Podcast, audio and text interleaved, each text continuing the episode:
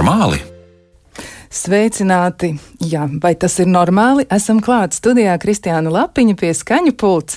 Pie skaņu pults Pie skaņu pults ir Rīta Karnača. Grūti saskatīt, mans atspulgs ir, ir, ir priekšā, tā teikt, stiklam, bet jā, Rīta Karnača arī ir ar mums un rūpēs par skaņu un to, lai visi, visi dzirdētu. Bet atgādināšu, par ko tad ir šis raidījums. Šis raidījums ir par psiholoģiju, par psihisko veselību un dzīves kvalitāti. Tātad par mums pašiem gandrīz stundu mēs varam runāt par aktuāliem tematiem, par kuriem droši vien kāds kādreiz domā, bet dažreiz arī nevienam neko nepastāsta, nepajautā un arī nedara piedalās ar savām idejām. Tomēr mēs raidījumā aicinām iesaistīties arī jūs, klausītājs, un noteikti jūs varat sūtīt savus jautājumus vai pārdomas uz raidījuma elektronisko pasta adresi, vai tas ir normāli at Latvijas radio.lv, varat sūtīt ziņas arī Latvijas radio mājaslapā, atrodot raidījumu, vai tas ir normāli ziņojumu lodziņu, un, protams, noteikti arī varat zvanīt un atgādināšu tālruņa numuru studijā 67 222 888. Šodien raidījuma temats ir par izdegšanu ieviešanu. Mēs mēģināsim saprast, kā tad aizvērt durvis no darba uz mājām un no mājām uz darbu, ja tas viss atrodas vienu vietu, un kā noteikt robežas ne tikai fiziskajā vidē, bet arī attiecībās, un gal galā kā pasargāt sevi no tā, ka esam dažreiz šķiet sākuši strādāt 24 stundas un 7 dienas nedēļā. Vēl arī gribu piebilst, ka atradu, gatavojoties temata apspriešanai, 2017. gada pētījumu, kur ir minēti tādi diezgan iespaidīgi un vienlaiks mazliet draudīgi dati, ka izdegšanu sastop skolotājiem 30% gadījumu, medicīnas studentiem pat 31% gadījumu, un starp tiem cilvēkiem, mediķiem, kuri strādā onkoloģijā, no pat 44 līdz 68,6. Un šķiet, ka bija runa par Nīderlandi, neesmu pilnīgi pilnīgi droši, bet tā varētu būt. Katrā ziņā izdegšana un izdegšanas problēmas ir aktuāls visā pasaulē. Un vēl jāsaka, ka par to jau labu laiku lauza galvu cilvēki Un viss šis zinātniskais process ir sācies savu laiku ar Herberta Freudenbergera un Sigmunda Ginsburga pētījumiem un publikācijām, kas bija jau tajā senajā 1974. gadā. Un tomēr izrādās, ka mēs esam joprojām spiesti par to runāt. Ļoti daudziem cilvēkiem šāda veida problēmas ir un mēģināsim saprast, vai tas ir normāli, ka mēs turpinām izdegt. Un eh, tāpēc arī esam aicinājuši raidījumu viesus pie mums, tā teikt, virtuāli viesojas Mariņa Ābeltiņa, psiholoģija, kognitīva behaviorālās psihoterapijas speciālists. Sveicināti! Jā, lab, labdien, vēl laikam ne, labvakar, jā. nu jau, jā, nu jau, jā, tāds, tāda vēlāka stunda. Un vēl arī esam aicinājuši sarunā piedalīties Aleksandru Veržbītski, ārstu psihiatru, kurš arī ir specializējies kognitīva behaviorālajā psihoterapijā. Sveicināts! Labvakar! Nu, tas mans pirmais jautājums tieši tāds arī būs. Ko tad īsti nozīmē izdegšana? Izdegšana kā tāda, izdegšanas sindroms, nu kādu jēdzienu tad mums vajadzētu izmantot? Varbūt sāksim ar Aleksandru Veržbītski, tad nu, kādu definīciju mēs varētu ņemt par pamatu? Izdegšanā tas ļoti stāvoklis, ka cilvēki ļoti bieži griežas pēc palīdzības un bieži arī negriežas pēc palīdzības. Ja ļoti īsi un kodolīgi pastāstīt, tā, izdeikšana rodas tāds, ka cilvēkam vajag izpildīt ļoti daudz darba, ļoti liela atbildība un ierobežots laiks, kad to vajag izdarīt. Un tas ir rosina ļoti izteiktu pārslodzi un daudzi dažādi traucējumi. Tas ir pirmkārt nogurums, otrkārt grūti izpildīt darbu, kognitīvas grūtības Un mēs bieži redzam imunodisfunkciju. Jo par izdegšanu, ja tās izdegšanas jau veica klasifikātoru, tagad mēs runājam, ka izdegšana ir hroniska noguruma un imunas disfunkcijas sindroms. Lai parādītu, ka nav imunas dis bez izdegšanas, imunas disfunkcija ir obligāti pie izdegšanas. Un ko tas nozīmē? Imunā disfunkcija varbūt mazliet vairāk. Cilvēkam ir visādas slimības, uh, vīrusa slimības, uh, skaites. Vistipiskais gadījums, kad cilvēks pēkšņi atkopjas no tā, ka viņam ļoti bieži slimības lāpas.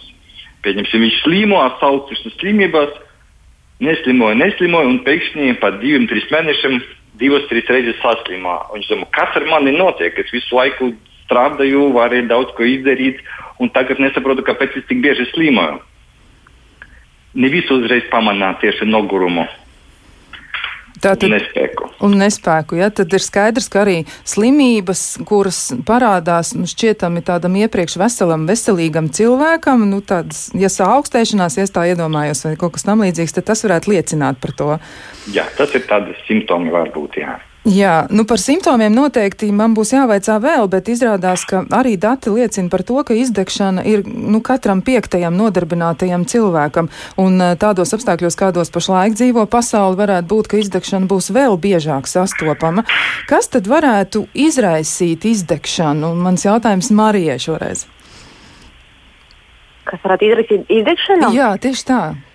Uh, nu, Uh, visbiežāk, visbiežāk mēs skatāmies uh, uz tādiem laikam, diviem pamat, pamat faktoriem, kas varētu būt. Viens ir, kādā vidē mēs atrodamies. Un tā kā kādā vidē mēs visbiežāk mēs domājam par izdegšanu kā par profesionālo lietu. Kaut, protams, arī, uh, kā jau tika no paša sākuma pieminēts, tas var būt arī studentu vidū, un arī šobrīd ir pētījumi, kas rāda, ka tas var būt arī jauniem vecākiem, piemēram. Bet, nu, jebkurā gadījumā viens aspekts ir tādi vidas faktori. Kas ir tas nezinu, kompots, kurā mēs vāramies ja, katru dienu? Kas ir tā vide, kurā mēs atrodamies, kas ir tie cilvēki, kas ir tas kolektīvs, kāds ir vadītājs, ja, kādi ir tie darba apstākļi. Un otrā puse ir, protams, vienmēr saistīta ar pašu cilvēku. Tā kā tādi, varētu teikt, individuālie faktori. Kas ir tas, kas varbūt ir uh, liek uh, man izdegt varbūt arī tādā vidē, kas ir ļoti draudzīga un kas nu, neveicina nekādu pārslodzi, piemēram, vai kaut ko tādu. Jā, tāpēc mēs varam meklēt uh, tos iemeslus gan, gan, gan tajā, kur mēs esam, gan arī iekš sevis. Un, uh, ja mēs domājam par tiem iemesliem, kas ir par to vidi, tad es uh, vienmēr ļoti uzmanīgi skatos, vai tādi nu, sarkanie karodziņi varbūt varētu būt tādi, ka uh, Uh, nu, vai tā vide vispār ir tāda draudzīga, vai viņa ir emocionāli vardarbīga? Jo tomēr nav nekāds noslēpums, ka ik pa brītiņam kolektīvos mēdz notikt diezgan jaudīgas intrigas, vai kaut kāds emocionālais spiediens no kolēģiem vai no vadītāja. Un tad, protams, šis ir milzīgs riska faktors, no kura var izaugt daudz un dažādas problēmas, un tā skaitā, tā skaitā arī izdegšana. Ja? Tad, tad es, eh, protams, eh, ja nav vardarbības, tas jau ir labi. Eh, tad viens riska faktors atkrīt.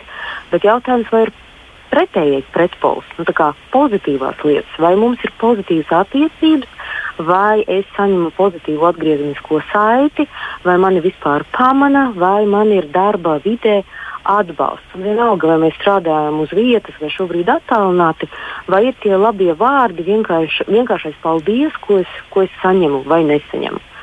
Un tad vēl ir, protams, tā pati nu, darba slodze, jā, nu, neapšaubāmi darba apjoms, nu, tam, tam ir nozīme. Jā. Vai viņš ir nu, cilvēcīgi samērojams, vai tas ir nezinu, krīzes apstākļu, tāda nezinu, ugunsgrēku dzēšana, vai šī ugunsgrēku dzēšana ir pārvērtusies par kaut ko hronisku, jā, un, un es nezinu, tos gadus daru piecu cilvēku slodzi. Es varu pārspīlēt par pieciem, bet es zinu vienu uh, gadījumu, kad cilvēks reorganizācijas uh, laikā nu, uzņēmās citu cilvēku uh, pienākumus un uh, teica, ka pāris mēnešus, bet realitātē tas cilvēks ilga trīs gadus. Jā. Nu, un, protams, ka vēl divas lietas ir. Viens ir, nu, kā, vai mēs jūtamies, ka ir godīgi lietas notiek darbā, un vai mēs jūtam, ka mēs vispār kaut kā varam ietekmēt savus darba rezultātus, vai mēs drīkstam kaut višķiņu plānot paši, jā, saprast, ko un kā mēs izdarām, vai arī mūs visu laiku nemitīgi kontrolē. Un es pieņemu, ja mēs kādreiz esam piedzīvojuši, ka mūs kontrolē katru mūsu soli, cik tas ļoti var būt nogurdinoši, arī šis, nu, arī literatūrā skaitās, kā tāds no, nopietns draudz, kas var novest līdz izdegšanai. Jā, izklausās, ka tas varētu būt nopietni, jo ja kādreiz nu, kāda iestāde vai uzņēmums strādāja citā režīmā un bija iespēja pārliecināties par darbinieku veikumu citos veidos, nu kaut vai aprunājoties ar viņu, tad tagad ir tādi pieprasījumi elektroniski droši vien vai, vai telefonu zvanu veidā, un tas varētu izraisīt arī nu, tādu kontrols izjūtas pieaugumu. Jā. Jā, jā, es esmu dzirdējis diezgan bēdīgu stāstu, kad vēl pirm, bija pirmais pandēmijas vilnis. Un kad principā, nu, nu, cilvēki, tāda eksperta līmeņa cilvēki strādā darba vietā, kur viņi pilnīgi mierīgi varēja savus rakstu darbus darīt mājas apstākļos, bet vadītājs bija tik ļoti satraucies, ka viņš nevarēs to pakontrolēt, ka lika no mājām zvanīt katru pusstundu un atskaitīties, ko dara vai arī nākt un tomēr sēdēt visiem klātienē, kur tādā nu, atvērtā tipa oficiālā var aiziet un uzreiz paskatīties datorā, ko tas uh, darbinieks raksta. Ja? kas man liekas ļoti, ļoti nu, bēdīga pieredze. Jā, man jautājums būs arī Aleksandram. Vai var tā būt, ka izdegšana pēkšņi piemeklē cilvēku, ja tomēr ir kaut kas tāds, kas iepriekš liecina par to, ka tas pamazām briest un tad teju, teju būs? Vai tas ir pēkšņi vai pakāpeniski, vai arī varbūt gan tā, gan tā? Tas sakas diezgan pēkšņi, bet ja mēs paskatīsim pavisam skaisti nākotnē, tad var redzēt, ka tas ir pakāpeniski. Jo pie izdegšanās, ja mēs skatāmies uz pirmo pakāpi, cilvēks daudz strādā, viņš atmirināts, viņam ļoti labi sanāk. Bet tas ir sākums, jo parādās tunela redzes, tunela skaitļi, skaitījums uz dzīvi. Ģimene nav tik svarīga, citi nav tik svarīgi, ļoti svarīgs darbs, un cilvēks turpina strādāt. Un viņš nepamanā, ka ar vienu vairāk un vairāk viņš iet šajā, šajās slēdes un neskatās pa labi, pa kreisi. Un tā viņš var tādā ziņā sadēt, pārstrādāties. Ļoti, tas sakas pakāpeniski salīdzinoši. Bet ļoti svarīgi arī pateica par vardarbīgu vīdi, jo cilvēki var strādāt daudz viņam dot vairāk, viņi dot vēl vairāk un vairāk strādā, un viss notiek. Bet kad cilvēks jūtas, ka viņš nav attiecīgi novērtēts, viņš strādā ļoti lielu emocionālu pārpūli. Un tas ir diezgan nopietns, nopietns iemesls, kā veidojas izdegšana. Pēc tam, kad cilvēks pamana, ka viņam ir grūti, tad jau pēkšņi, pēc tam sākas jau pēkšņi Jo viņš pēc tam var pamanīt, ka jā, man ir radinieki pateica, ka kaut kas ar mani nav kārtībā. Es pieļauju daudz uh, uh, kļūdas darba. Un tad, kad viņam, viņš redz, ka pēkšņi ir kognitīvas traucējumi, viņš nevar tikt galā ar darbu, viņam izsikums. Un viens no galvenajiem simptomiem parādās nogurums pēc atpūtas. Cilvēks brīvdienās atpūšas, ar pirmdienu viņš jūtas tikpat noguris. Un tad viņš saprata, ka kaut kas ar mani notiek, un tad viņš pēkšņi apzinās, ka jau ja, viņš izdēļas. Jā, nu tad viņš varētu mēģināt par to apdomāties, ka tas nav ar, nu, varbūt saistīts ar ko citu, bet vai nav tā, ka cilvēki reizēm domā, ka ar viņiem vienkārši kaut kas ir noticis, nezinu, viņiem ir, viņi, viņi ir slinki kļuvuši vai vienkārši neiesaistīti, un viņi mēģina atrast sevī to izskaidrojumu un nemeklē tālāk vai nemeklē kaut ko vēl, bet domā, ka tas ir saistīts ar, ar viņiem pašiem. Vai var tā būt, ka tādi, nu, tā kā personības, pašas personības uzbūve vai specifika varētu ietekmēt izdegšanas ģimenes attīstīšanos. Aleksandra, kā tas varētu būt? Es teikšu, ka tomēr cilvēks diezgan skaidri redz, ka darba ir kaut kāds iemesls. Viņš, kad paliks slikti, viņš redz, jā, sapratams, ka bija tāds iemesls. Viņš saprata, jā, viņš diezgan labi saista savu, savus traucējumus sakarā ar to, ka darba kaut kas notiek. Bieži notiek otrādi. Bieži cilvēks ar depresiju atnāk uz konsultāciju un saka, man ir izdegšana, a īstenībā viņš jau sirgs no depresijas, no citiem traucējumiem. Izdegšanu cilvēki diezgan labi var pamanīt, bet diemžēl tad, kad viņam jau reāli diezgan grūti. Tas nozīmē, ka sanāk novēloti pamana izdegšanu. Vai... Cilvēks pats novēloti, bet ja viņš, viņš saka, jā, man taču pateica darba vai ģimene, jā, ka iepriekš kaut kas ar mani notiek, bet sākumā tik labi iet darba, tik labi visokas, ka viņš nedomā, ka vajag paskatīties uz sevi no, no malas. Diemžēl tā ir. Tā tad tomēr novēloti. Jā, nu, jautājums arī Marijai par to pašu savā ziņā. Vai tā var būt, ka cilvēku nu, priekšstati par sevi vai par to, kā būtu jāstrādā, vai tas varētu veicināt izdegšanu? Uh, nu, domāju, ka es varu diezgan droši atbildēt, ka varētu, tāpēc arī šobrīd mēģinu pabeigt savu disertāciju tieši par šo tēmu, kas ir arī tie mūsu individuālie faktori, kas, kas mūs vairāk virza uz to izdegšanu. Ir viens, es teiktu, tur var būt dažādas arī tādas varbūt, grupas ar cilvēkiem, kas dažādos veidos izdeg. Uh, un viens no tiem ir cilvēki, kas patiesībā ir tādi no sākuma darbinieki paraugs, nu, kas dara, dara, dara, dara tiešām visu izdara. Bet bieži vien tas, ko mēs neredzam, ka cilvēks iekšpusē nekad nav ar sevi apmierināts ka nu, pat vadītājs ir apmierināts, kolektīvs ir apmierināts un nezinu, tam cilvēkam pateicās un nezinu, iedod diplomu par, par, par labāko gada darbinieku, bet cilvēks iekšēji visu laiku ir neapmierināts, lamā sevi. Um, nu, kaut kādā veidā nepārtraukti pieprasa no sevis tādā nerealistiskajā veidā kaut kādus perfektus rezultātus it visā.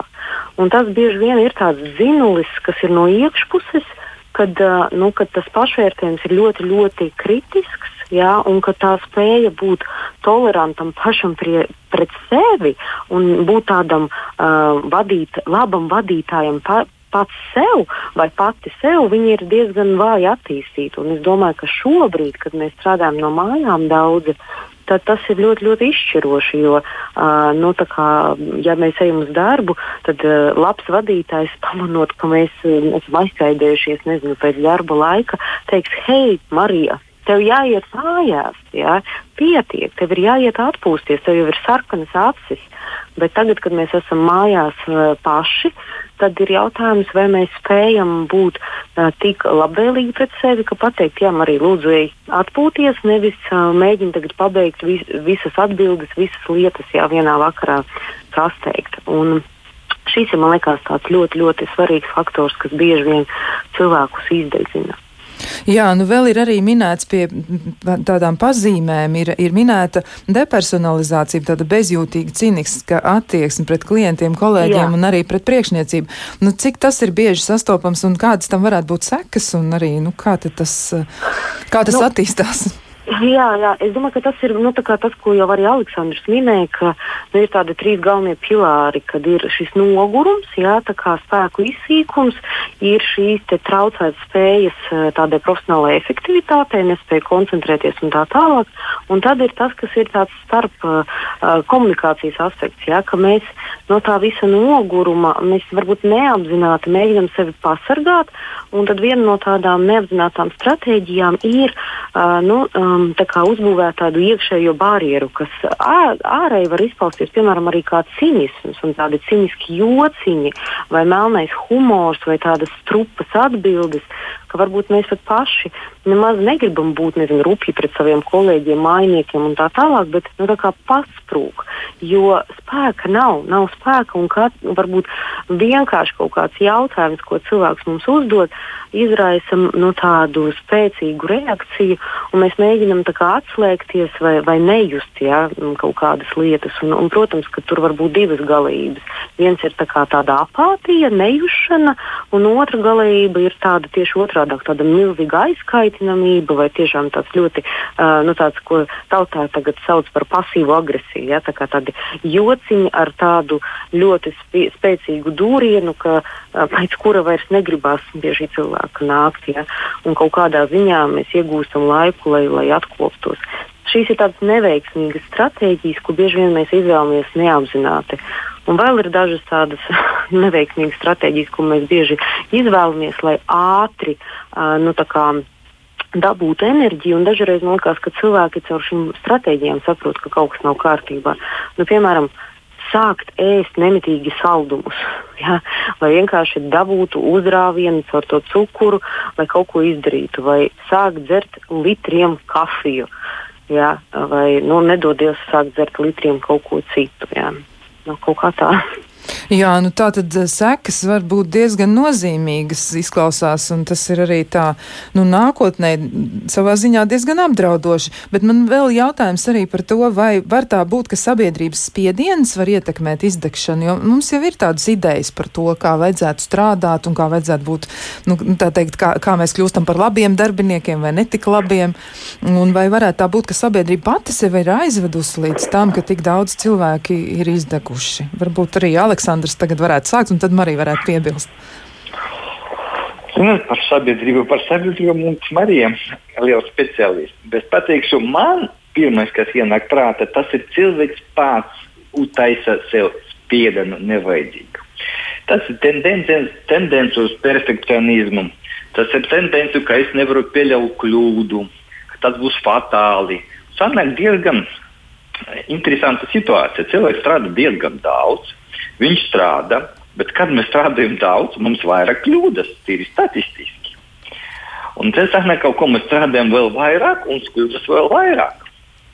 Un tā atbildība par kļūdu, par tām fatāliem, īpaši, kad mēs domājam par medicīnu, par citiem jomām, kur nekas, mums liekas, nekam mēs nevaram pieļaut kļūdu. Mums nav tiesības uz to, bet tomēr mēs nevaram to pilnīgi visu izdarīt, pilnīgi iziet bez kļūdām.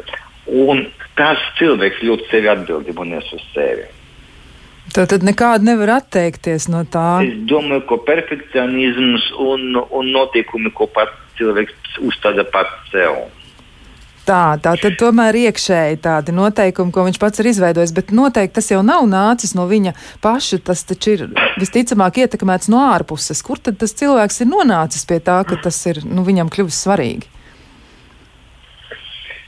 Nu, es, es domāju, ka es varu piebilst, ka es piekrītu, ka, nu, ka šim iekšējiem spiedienam ir milzīga nozīme, bet es domāju, arī tādai organizācijas kultūrai ir arī ietekme. Jo, uh, Protams, ka mēs skatāmies viens uz otru, jā, vienalga, cik mums ir gadi. Mēs esam tādas sociālas būtnes, kas arī mācās, un varbūt mēs tā kā modelējam tās uzvedības. Ir īpaši, ja mēs esam nu, kaut kādā ziņā tāds nerakstīts autoritātes. Jā, tas nevienmēr ir vadītājs, kas ir um, nu, nosaukts par nezinu, direktoru vai vadītāju, bet nu, tāds autoritātes, kas ir līderi uh, savā kolektīvā. Un bieži vien, nu, kā, kā šie līderi uzvedās, tā arī citi uzvedās. Jā, un, ja nav pieņemts atpūsties, vai tas tiek uzskatīts par normu, būt visu laiku nogurušam un ņemt papildu darbus un, un, un nemitīgi vilkt uh, pārāk daudz un pat nākt, nezinu, slimumu uz darbu, jā, nu, tāda slimstrāde jeb angļu valodā prezentisms. Ja? Um, nu, tas, es domāju, ka daudzos kolektīvos ir raksturīgi, un tad ir ļoti grūti nu, sacelties pret visu kolektīvu un teikt, nē, slima nenākšu uz darbu. Nu, paldies Dievam, ka šobrīd pandēmijā nu, mēs visi iemācīsimies, ka par veselību ir jārūpējas, domājot gan par sevi, gan domājot par citiem cilvēkiem. Tāpēc man šķiet, ka kad, jā, kad arī uh, citu cilvēku uzvedībai ir ietekme. Un es arī domāju, ka nu, savā ziņā tas, kas ar mums notiek iekšēji un kā mēs paši pret sevi izturamies, nu, tam jau arī ir saknes. Bieži vien meklējams uh, tādā komunikācijā, kas ir bijusi varbūt nu, teiksim, tā kaut kad agrīnāk, nezinu, bērnībā, skolas laikā vai vēl agrāk, ja, kad, kad mēs iemācāmies, kā tad ir tie darbiņi jādara, ja, kā tad ir jātiecās pret sevi, kā tad sevi jāmotivē, vai tieši otrādi jāstrostē visu laiku. Ja. Nebeidzam sevi jākritizē par kaut ko. Jā, nu, vēl man arī gribētos tomēr par tām ilgtermiņa sekām pavaicāt Aleksandram Virsbitskim, kas tad varētu notikt, ja cilvēks, nu, labi, viņš ir novēloti aizgājis pie, pie ārsta vai viņš ir atradis palīdzību, bet, eh, nu, kas tad varētu notikt tad, ja cilvēks to nedara? Kas tad beigu beigās var, var notikt ar viņu? Nu, ja tā runāsim tā izlaicīgi, relatīvi izlaicīgas sekas, tad uz dotu brīdi tomēr ir imunodisfunkcija, biežāk slimības, kas tagad mums ļoti svarīgi, ļoti aktuāli, jo tas hormons kortizols, kas bija paaugstināts pie izdzīšanas, viņš tiešām neuzlabo mūsu imunitāti. Un, ja mēs skatāmies uz tālākam, ilglaicīgam, tomēr izmaiņas organismā ir un centrālā sistēma arī ir. Bet netiksim, ka viņi ir ļoti būtiskas. Galvenais tas ir slodzi, tas ir tas, kas tagad uz cilvēku, cilvēkam ir uz mēnesi, uz divu, uz pusgadu, šī dar, dzīves kvalitāte krītums. Šīs izmaiņas viņa dzīvē, tas ir būtiskākais, kas viņam traucē, un arī, e, arī ar vīrusa infekcijām. Tagad mēs daudz varam runāt par vīrusu, bet imunitāte ļoti svarīga loma pie izdzīšanas. Tad sanāk tā, ka ja mēs turpinām ļoti daudz strādāt, tad mēs arī varam pakļaut sevi savā ziņā lielākam riskam arī saistībā ar pandēmiju. Droši vien arī tā tas varētu notikt. Jā, uz dotu brīdi, uz dotu brīdi nav skaidrā situācija par to vīrusu lomu pie izdīkšanas, kas ir primārais, kas ir ne, sekundārais. Jo cilvēkiem, kam ir izdīkšana, ir paaugstināts uh, Epsteina bara vīrusu biežāk, biežāk varam noteikt to vīrusu asini. Un tas ir jautājums, vai tāpēc, ka vīrusu daudz cilvēki izdegs, vai tomēr no izdegšanas imūnosistēma krītas. Tas jautājums atklāts, bet tas iet roku rokā. Jā, nu, mēs noteikti turpināsim to arī analizēt, bet šo sarunu mēs turpināsim pēc īsa brīža.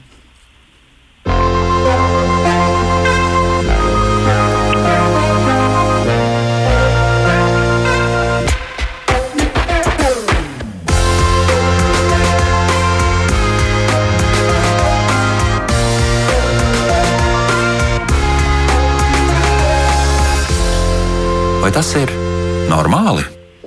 Mēs šodien runājam par tematu, kurš ir aktuāls ļoti lielai daļai cilvēku, un visticamāk arī ir tā, ka mums par to nāksies domāt nākotnē. Proti, mēs runājam par izdegšanas sindromu un arī par to, kā aizvērt durvis no darba vides uz mājām un no, no mājas vides, tā teikt, pārslēgties uz darbu, bet vide tad ir viena un tā pati, tā teikt. Un kā noteikt robežas, kā pasargāt sevi, kā neiztukšot sevi un kā spēt turpināt sazināties gan ar saviem tuviniekiem, gan ģimeni, gan arī darba kolēģiem.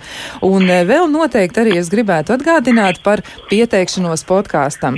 Un pieteikšanās podkāstam ir ļoti, ļoti vienkārša. Jums tā tad ir iespēja pieteikties un piedalīties virtuālā sarunā, kura nedaudz līdzinās reālajai psihoterapijas vai psihologu konsultācijai, bet atgādināšu, ka tā nav psihoterapija. Un e, svarīgākais ir tas, ka jūs varat uzdot savu jautājumu un varat arī aprunāties par tieši jums nozīmīgu, svarīgu problēmu. Un vēl arī gribu noteikti uzsvērt, ka podkāstu uzdevums nav tikai informēt vai sniegt individuālu pieredzi, Tā tiešām nav virtuāla psihoterapija, bet sarunas jēga ir dalīties ar grūtību un risinājumu pieredzi. Tas ir iedrošinājums rūpēties par savas dzīves kvalitāti un mazināt bāžas, un iespējams arī nākotnē atrast savu speciālistu, pie kura vērsties, lai uzsāktu terapiju. Pieteikties jūs varat sūtot īsu savu problēmas pieteikumu uz e-pastu, vai tas ir normāli, at Latvijas Rādio LV, un mēs ar jums sazināsimies. Bet tā tad atgādinu vēlreiz, šodien runājam par izdegšanu un esam aicinājuši sarunā piedalīties Mariju Ābeltiņu, psiholoģi, kognitīvu behaviorālās psihoterapijas speciālisti un Aleksandru Veržbītski, ārstu psihiatru, kurš ir specializējies kognitīvu behaviorālajā psihoterapijā. Un mans nākamais jautājums ir par to, kā tad uh, mums spēt aizvērt durvis no, no vienas puses uz otru ja, un pretējā virzienā. Vai tas vispār ir iespējams, ja reiz vide ir tik ļoti mainījusies?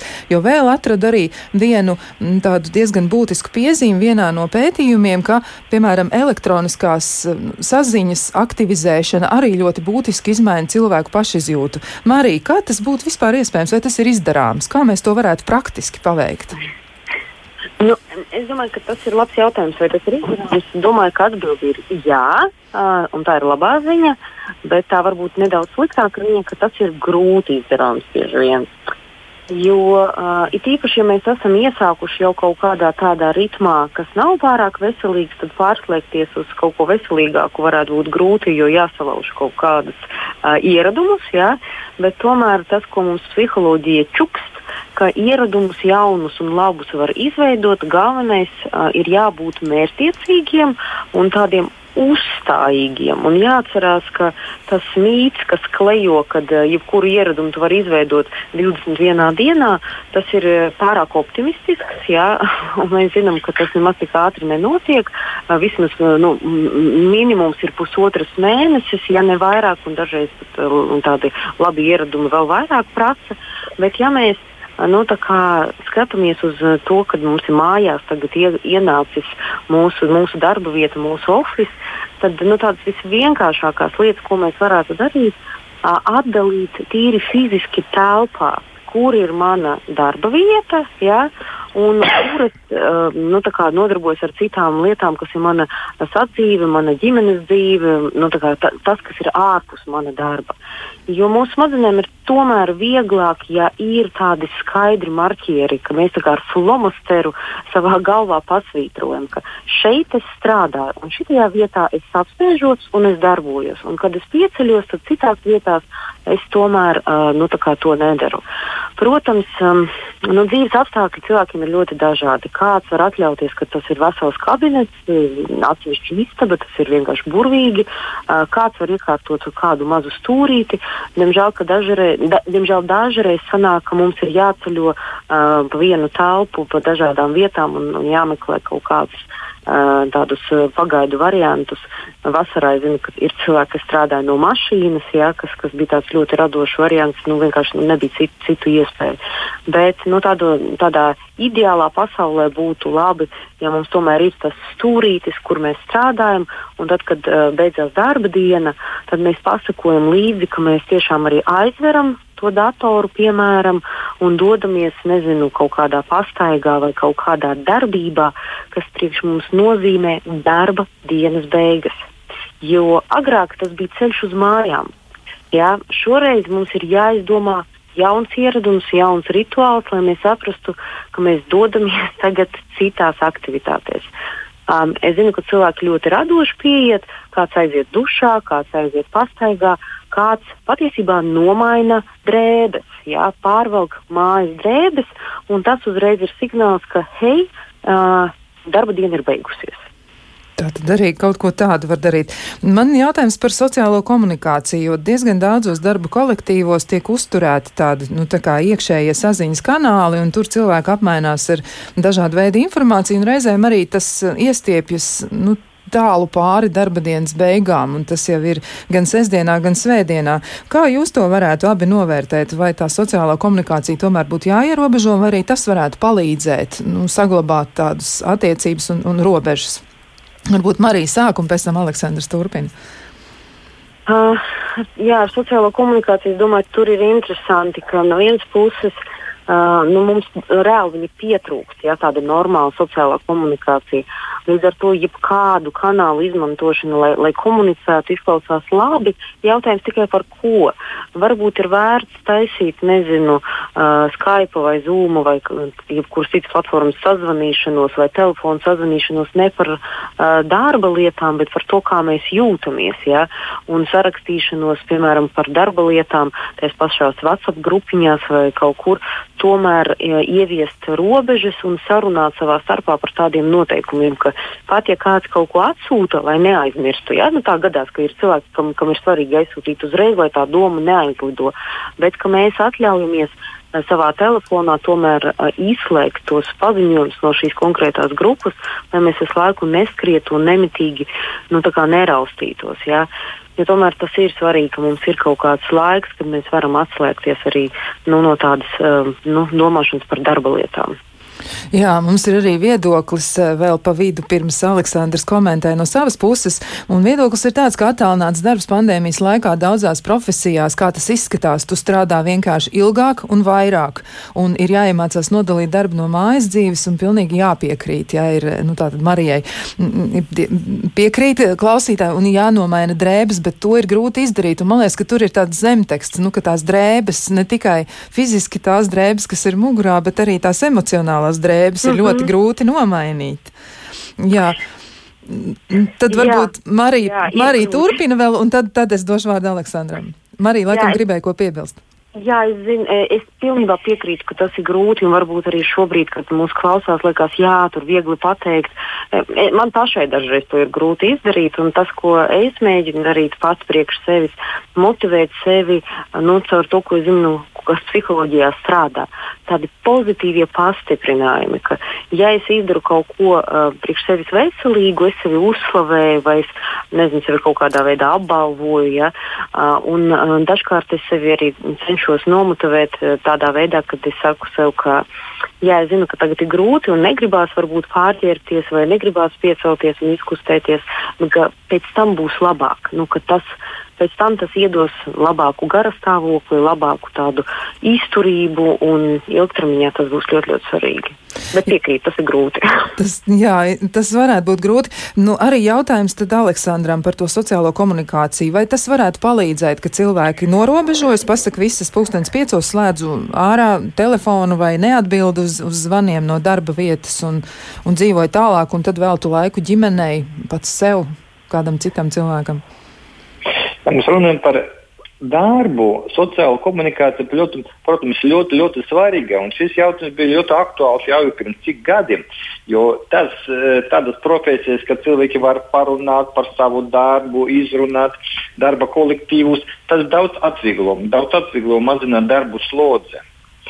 Un, e, mēs zinām, ka jā, ir, ir, ir, ir ir, ir, ir tādi, kur ir parunas, ir kopējas pusdienas. Tagad par šo pandēmijas laiku es dzirdu, ka ir organizācijas, kur ir WhatsApp kopējas pusdienas. Ir konkrēts laiks, kad viņi satikas, runa, un tieši tad viņi taisa tādu pusdienas pauze, kur viņi nemaz nerunā par darbu, runa par attiecībām, runa par kaut ko tādu, lai būtu kopējas sa sajūta. Protams, sociāla komunikācija ļoti svarīgs moments. Jā. Tā tad to var, bet eh, nu, vai tad ir labi slēgt ārā telefonu pulkstens piecos, jo izskatās, ka ļoti daudziem cilvēkiem un arī tās refleksijas no klausītājiem ir tādas, ka ir ļoti grūti pateikt, ka viss es pulkstens piecos beidzu strādāt un es vairs te neesmu iesaistījies un es eju prom un daru savas lietas. Viņiem ir ļoti grūti pārvarēt kaut ko sevī. Kāpēc tā notiek? Jā, viņam grūti pārvarēt, bet ja mēs atceramies, ka mēs dzīvojam uz zemes, Uz zemes, ja es pareizi atceros, 24 stundas diennaktī. No tām 8 stundas mēs guļam. Vēl palika 16 stundas. Darbdienas, no tām mēs 8 stundas strādājam. Un vēl palika 8 stundas pilnvērtīgai dzīvei. Tas ir 50% no savas dzīves. Mēs esam pilnīgi saimnieki sev. Un tas ir ļoti svarīgi. To vajag atcerēties, ka mums, man ir 8 stundas.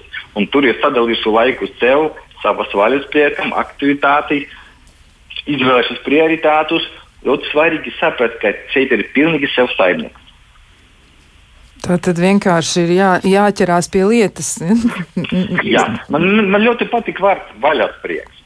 Tas ir tiešām no prieks, ot, ja ir prieks, ka man katru dienu ir prieks, ļoti patīkami, ka cilvēks otru dienu, trešdienu gaida, o, man būs sestdiena, man tur būs prieks, man kaut ko gaida. Vai šodien es iešu pēc darba kaut kur, kaut kur pārslīgšu uz kaut kādu agrāk, kad bija kaut kādi trenižeri vai baseini vai kaut ko. Un tas cilvēks jau gaida. Un tas sagaida, izraisa viņam prieku. Un tas ir tā motivējušais moments, ko mēs varam darīt. Kāpēc mums dzīve nebeidzas tikai ar pēc darba dzīve arī sāksies. Tad citādi varbūt jāraugās citādi uz to, kas notiek. Jā, nu, man, Jā. Marija gribēja piebilst jā, kaut ko? Jā, es arī gribēju piebilst, patiesībā ļoti piekrītu Aleksandram, ka prieks varētu būt ļoti labs tas mēraukla, vai ir jāizslēdz telefons vai nav. Ja mēs jūtamies priecīgi, uh, tad izskatās, ka viss ir kārtībā, bet ja mums ir bailes vai trauksme, Un es zinu, cilvēkus uh, angļu valodā par šo te, uh, parādību sauc par tādām bailēm palaist garām, jā, garām kaut ko svarīgu. Jā, tāpēc es nemitīgi tomēr paskatos, kas tur ir ēpastā vai uh, kas man tur ir noklikšķinājis telefona tajā uh, darba grupā. Tad bailes varētu būt tīpaši, nu, ja mēs domājam tā, tā kā ārpus darba laika, tad uh, bailes varētu būt tāds slikts pavadonis. Un es domāju, ka tad noteikti ir vērts veikt ārā varbūt pavisam to telefonu. Tad nelietot.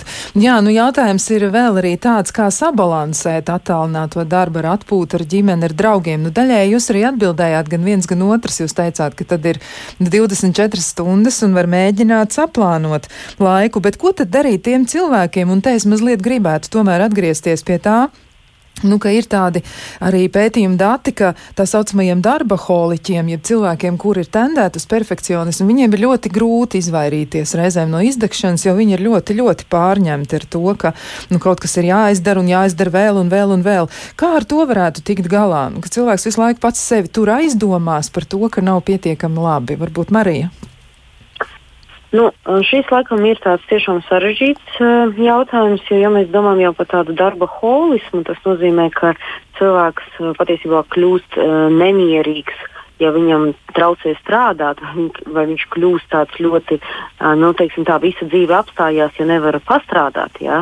Un, ja ir kaut kāds stress, tad jāiet uzreiz pastrādāt, un, ja ir stress darbā, tad jāpastrādā vēl vairāk. Ja? Tā kā tāda pilnīgi uh, negausība uz darbu. Uh, Uh, nu, tad es domāju, ka nu, viens variants ir mēģināt uh, šīs pašpalīdzības kaut kādas meklēt uh, informācijas avotus par to, kā ar to tikt galā. Bet es domāju, ka arī nav jākautrējās no profesionālās palīdzības. Ja, ja tomēr tāds nu, rūtīts perfekcionisms nu, varētu būt, ka nu, ka tas ir saistīts ar kaut kādām lietām un ieradumiem, kas ir nākuši un, un tre, trenēti tik ilgi dzīvē, ka pašam ir grūti tikt galā. Tāpēc es domāju, tāda uh, nu, mm, profesionālā palīdzība psihoterapijas, piemēram, veidā. Varētu būt ļoti, ļoti labs risinājums. Tam jau tā psihoterapija ir izdomāta, lai palīdzētu ātrāk tikt galā ar tām problēmām, ar ko pašam grūti norintēties. Jā, nu tad vēlreiz atgādinājums no Aleksandra varētu būt, kam ir jāpievērš uzmanība, lai nav tā, ka cilvēks novēlot iet pie speciālista. Nu, ko viņam būtu jāpamana, kam jāpievērš uzmanība attiecībā uz sevi? Nu, jāpievērš uzmanību, kā viņš jūtas. Ir trešdiena. Un jājautā sev, man patīk trešdienas vai nepatīk trešdienas. Un, ja cilvēki kaut uzdod, atbild sev, ka kaut kāda trešdiena man nepatīk, tas var liecināt, ka viņš jau noguris trešdienā. Un tas ir tā saucamais trešdienas si simptoms, ka, ka, ka ja trešdiena man ir smagi, tad esmu iztukšojis. Tas liecina kaut kas, kaut ko vajag padomāt, vai nav tā kā par daudz strādāju. Vai tagad mums būs rīt, pirmdiena, pirmdiena no rīta. Vai es pietiekoši labi varu atpūsties pa brīv, brīv, brīvdienam un pirmdienā eju ar prieku uz darbu man patīk darbs. Vai tas ir tā labsajūta, ir, jo viens no izdegšanām tas, ka nevar cilvēks atpūsties pēc vienas dienas.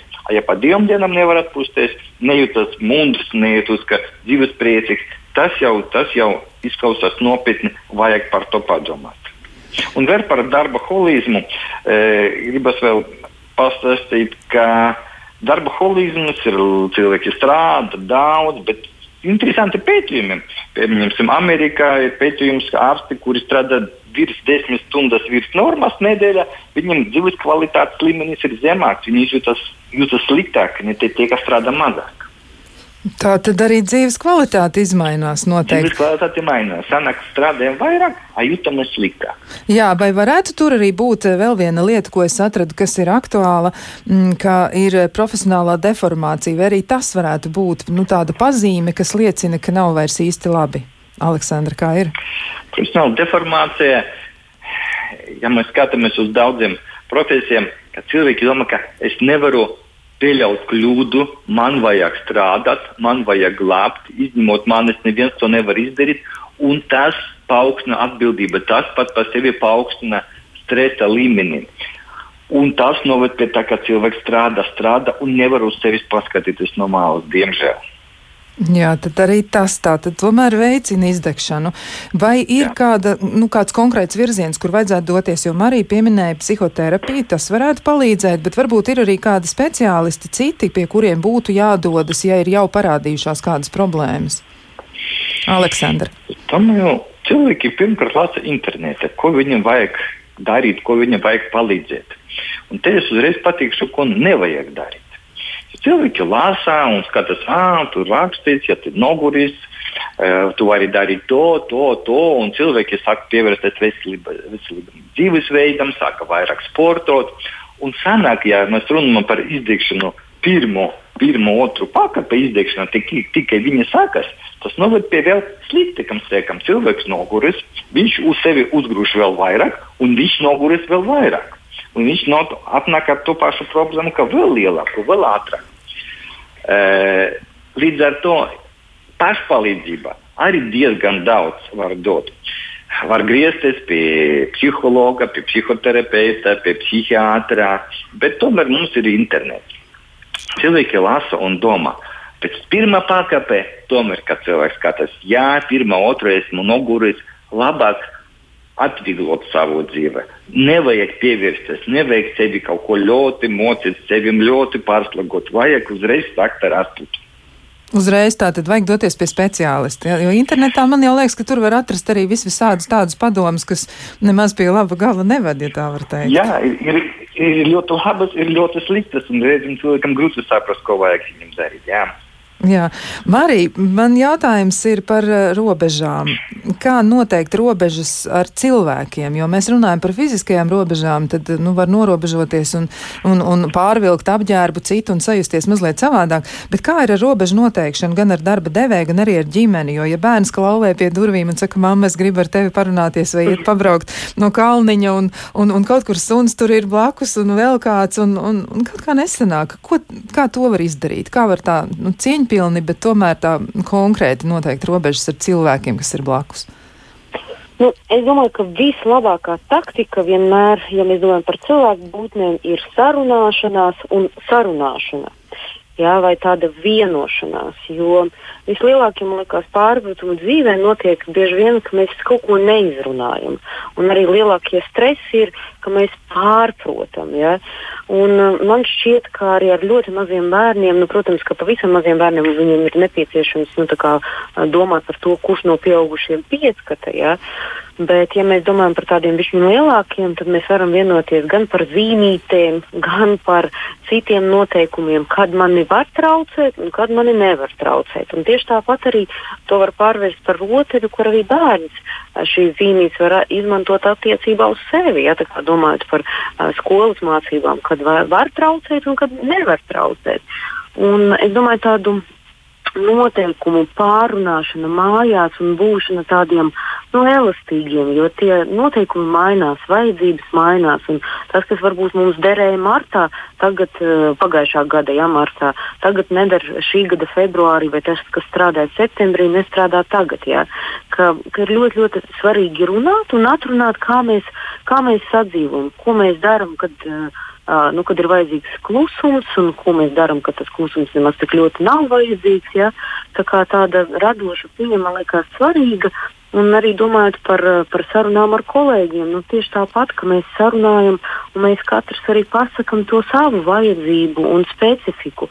Ja ir cilvēki, kas jūtas ārkārtīgi vientuļi uh, pandēmijas laikā un grib daudz varbūt aprunāties, ir cilvēki, kas ir pārguruši no komunikācijas, ir cilvēki, kas grib atpakaļ uz vietas strādāt, bet es esmu runājis arī ar daudziem cilvēkiem, kas ir ārkārtīgi laimīgi, ka viņi var strādāt attālināti no mājām un būt ar, nu, ar mm, tuviniekiem kopā un ietaupīt, nezinu, daži pat līdz pat trim stundām dienā, kas bija pavadīts ceļā. Ja? Tāpēc situācijas ir dažādas un ir svarīgi runāt un vienoties. Tā tad par visu, par visu ir jārunā. Arī par to ir jārunā. Jā, es teiktu, ka tādi ļoti labi padomi, bet, nu, tiešām burtiski divos vārdos. Marija, vai var vienā teikumā, īsā teikumā noformulēt savu zelta padomu un pēc tam Aleksandrs? Zelta padoms. Jā, izdekš... zelta, zelta padoms ir varbūt tāds - sarunāties ar sevi un sarunāties ar citiem. Jā, un Aleksandrs, ko teiks? Teikšu, cilvēkam vajag saprast, ka, saprast, ka dzīve nav 100 metru skrējiens, bet maratons. Un mēs esam tikai cilvēki, nevis roboti, un mums vajag atpūsties un pietiekoši daudz laika veltīt tieši sev. Jā, ļoti jauki vārdi par to, ka ir jāvelta laiks sev. To es arī atradu daudzos padomos, un arī šeit tas izskanēja. Jā, saku lielu paldies. Paldies Marijai Jābeltiņai, psiholoģijai, un arī Aleksandram Veržbītskim, ārstam psihiatram. Un vēl ko es gribētu noteikti atgādināt, atgādināt par podkāstu klausītājiem. Lūdzu, jūs varat pieteikties podkāstam, vai tas ir normāli, un jūs to varat izdarīt rakstot uz e-pastu, vai tas ir normāli at Latvijas radio.lv un atgādināt Atgādināšu arī, ka podkāstu galvenais uzdevums ir iedrošināt jūs rūpēties par savas dzīves kvalitāti, mudināt arī apsvērt palīdzības vai atbalsta iespējas nākotnē, un iespējams arī aprunāties par to, kā jūs to varat izmantot. Nu, katrā ziņā tā ir ļoti, ļoti laba iespēja, it īpaši šajā laikā, kad nav nemaz tik viegli.